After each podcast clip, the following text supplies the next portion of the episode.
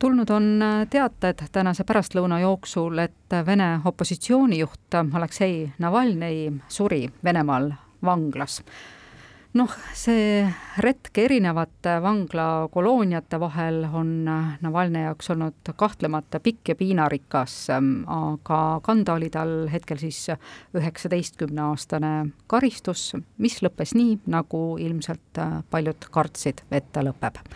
Meil on nüüd välispoliitika asjatundja Erkki Bahovski stuudios, tervist! tere! no see oli ilmselt äh, paraku selline lõpp, mida Aleksei Navalnõi tagasi Venemaale pöördununa ise juba ka ette aimas. jaa, no teda ju hoiatati korduvalt, äh, kui ta otsustas Saksamaalt Venemaale tagasi pöörduda kahe tuhande kahekümnendal aastal, et äh, et see asi ei lõpe talle hästi, et, et ära mine, jää Saksamaale või siis läände, aga noh, kahe tuhande kahekümne esimese aasta alguses ta ikkagi läks ja noh, ta ju kohe, koheselt arreteeriti Moskvas lennujaamas ja noh, sealt peale ta ongi olnud siis või noh, oli siis erinevates vanglates, et selles mõttes noh, siin peab ikkagi ju mingis mõttes Navalnõi, Navalnõile austust avaldama,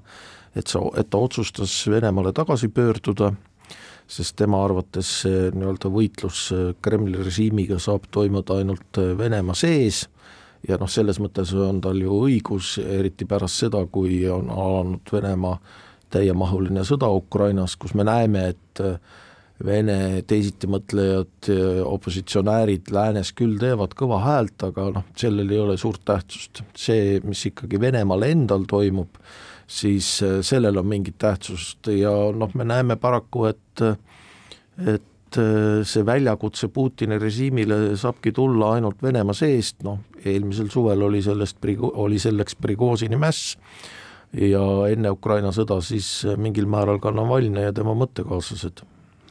kas võib arvata, et see, et järgmisel kuul äh, Venemaal toimuvad presidendivalimised, et see oli kuidagi märgiline, see Navalnõi surm? no ja siin on mitu asja, et äh, presidendivalimised ka, algamas on näiteks ka Müncheni julgeolekukonverents, äh,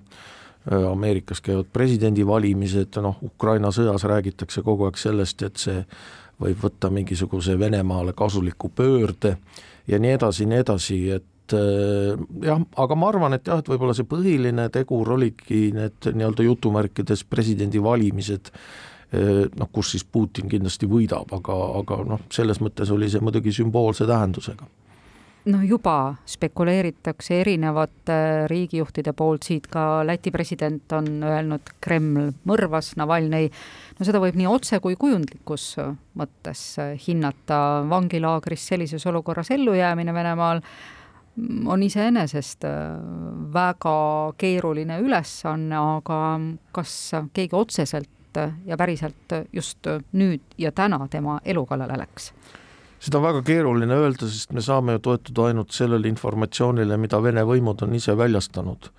ja noh, kui lugeda seda surmakirjeldust, siis see on muidugi äärmiselt kahtlane, et inimene lihtsalt haigestus, nii, niimoodi on kirjas, jalutuskäigul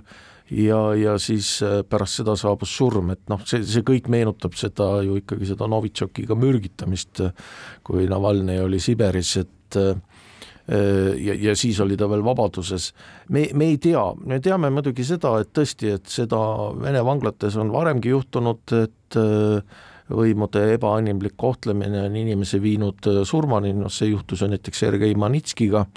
kelle nimelised ju nii-öelda need nimekirjad on ju nüüd praegu ringvel, ka Eesti on vastu võtnud selle, et nimed siis nende Vene poliitikutega, kes ei, ei ole Eestisse teretulnud mitte ainult poliitikutega, vaid ka ametnikega ja ärimeestega, et noh, kõik, kõik on võimalik. Ja, ja noh, kuna me oleme siis sellises spekulatiivses faasis, siis võib-olla tõesti Navalnõi suri eh, ka loomulikel põhjustel, ehkki ta oli muidugi ju ikkagi küllalt noor, ta oli alla viiekümne aastane, et et, et see kõik on ikkagi väga-väga kahtlane. Navalnist rääkides, tema isikust rääkides, siis tihti on teda kuidagi portreteeritud ja kirjeldatud kui selline ähm, valge laev, ähm, et kui tema peaks lõpuks Venemaal võimule saama, et siis äh, kõik läheb äh, kuidagi jube heaks ja, aga tegelikult ähm, olid tema ikkagi mingid väljaütlemised äh, ei olnud päris nii puhtad, et äh, ta on öelnud, et Krimm peaks kindlasti jääma Venemaale ja üleüldse suurel Venemaal on igasugused eriõigused. Ja no see on ka põhjus, miks ukrainlased suhtusid Navalnõisse ikkagi suure kahtlusega ja, ja see lootus, et äh, Navalnõi kuidagi pöörab Venemaa otsustavalt teisest teise suunda, no vaevalt, et see oleks nüüd niimoodi juhtunud, ehkki noh, võib ju lihtsalt spekuleerida jälle, et Venemaa oleks ilmselt demokraatlikum, kui ta on praegu Navalnõi ütles Krimmi kohta niimoodi, et äh, Krimmi anastamine öö, äh, oli rahvusvahelise õiguse vastu, aga noh, seda enam ei saa muuta kuidagi, et Krimmi ei ole võimalik äh, Venemaale, tähendab Venemaalt ära võtta, nagu ta ennast väljendas, et Krimm ei ole võileib. Et, et sa võtad selle lihtsalt tagasi. ja noh, see muidugi äratas ukrainlastes kahtlusi, noh, siin on ju ka näidatud seda, et et äh, see on ka põhjus, miks äh, Vene, miks Ukraina suhtus äh, kahtlusega Navalnõi toetajatesse läänes, Vene dissidentidesse läänes, sest need Vene dissidendid, Navalnõi mõttekaaslased ju ikkagi ei olnud Krimmi annekteerimist ja okupeerimist hukka mõistnud. tõsi küll, kahe tuhande kahekümne kolmandal aastal Navalnõi meeskond tegi siis sellise manifesti, kus ta siis mõistis ikkagi üheselt selle Ukraina sõja hukka, aga noh, ütleme niimoodi, et eh, ukrainlased ikkagi teda täiesti omaks ei võtnud ja noh, sellel on ka jah, kindlad põhjused. miks ta tuli tagasi, see on ilmselt üks küsimus, millele keegi vastust ei saa. no võtame näiteks Mihhail Hodorkovski, kes vabanemise järgselt kadus nii kiiresti kui vähegi võimalik ja, ja on küll jah, jätkuvalt kritiseerinud eh, Venemaa võime, aga, aga ei lähe ilmselt mitte kunagi Venemaale tagasi no Navalnõi ju tegelikult ise ütles seda ja ma ise ütlesin seda ka, et see, tema ütles seda niimoodi, et tõepoolest, et see, et teha nii-öelda või olla nii-öelda tõsises opositsioonis Putini režiimile, seda saab teha ainult Venemaal ja noh, ta ei näe nagu muud võimalust, kui, kui olla Venemaal, et ta on seda öelnud ka öö, selles dokumentaalfilmis, mis siis dokumenteerib tema öö, olemist Saksamaal, aga ka tagasipöördumist Venemaale ja seal ta need sõnad ütleb on see nüüd äh, märtri surm? Et äh, Venemaal võib-olla mingisugused äh, jõud tõusevad üles või see on naiivne lootus? ma arvan, et see on naiivne lootus, ma ei usu seda, et, et et tuleksid mingisugused suured rahutused, märter, seda kindlasti jah, et pigem, pigem on ta märter, noh, me meil muidugi ei tea, et kuidas see ajalugu meil seda äh, näitab, võib-olla sellest äh, surmast on ju möödus alles mõni tund ja väga raske on nagu öelda, mis, kuidas teda hakatakse kujutama tulevikus, aga noh, selliseid Vene ajaloo märtreid on ju olnud ennegi, eks ole, võtame kas või dekabristid ja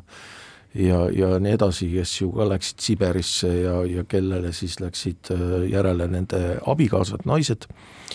ja noh, nüüd siis Navalnõi. opositsioonijõude Venemaal alles on jäänud kes võiks olla sellised nimed? No üks nimi tõesti siin ju kerkis esile, eks ole, seoses presidendivalimistega oli Boris Nadestin, keda siis ei lubatud kandideerima ja kes vist ei olnud ka mingisugune Kremli käpik, et ta oligi siis nagu tõsine vastaskandidaat Putinile. Ja, ja noh, Putini režiim oli ka mures ja ei lasknud kandideerida, et mind, kes ma olen ikkagi nagu suure osa oma elus elanud vabas ühiskonnas, jätkuvalt hämmastab see Vene võimude hirm äh, Navalnõi ees, et kui me eeldame seda, ütleme siin sõna on kui on oluline, et kui me eeldame seda, et Navalnõi mõrvati, siis ikkagi miks, et ta oli ju ikkagi isoleeritud täiesti, ta saadeti Siberisse kaugele-kaugele põhe, põhja polaarjoone taha ja nii edasi ja nii edasi, et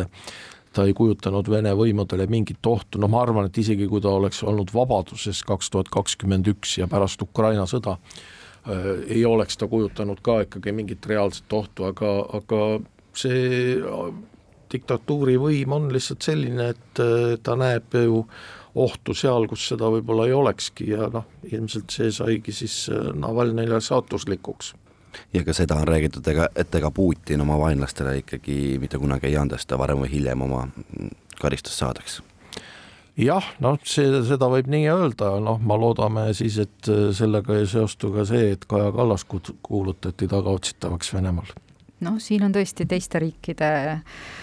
pihta peab vaatama, kes siis kas saavad hästi Venemaaga läbi või ei saa hästi Venemaaga läbi, kuhu siis Kaja Kallas saab rahuliku südamega reisida tulevikus ja kuhu ehk mitte. aitäh, Erkki Bahovski, täna sellisel nobedal reedeõhtusel ajal meie juurde jõudmast ja Aleksei Navalnõist pisut rääkimast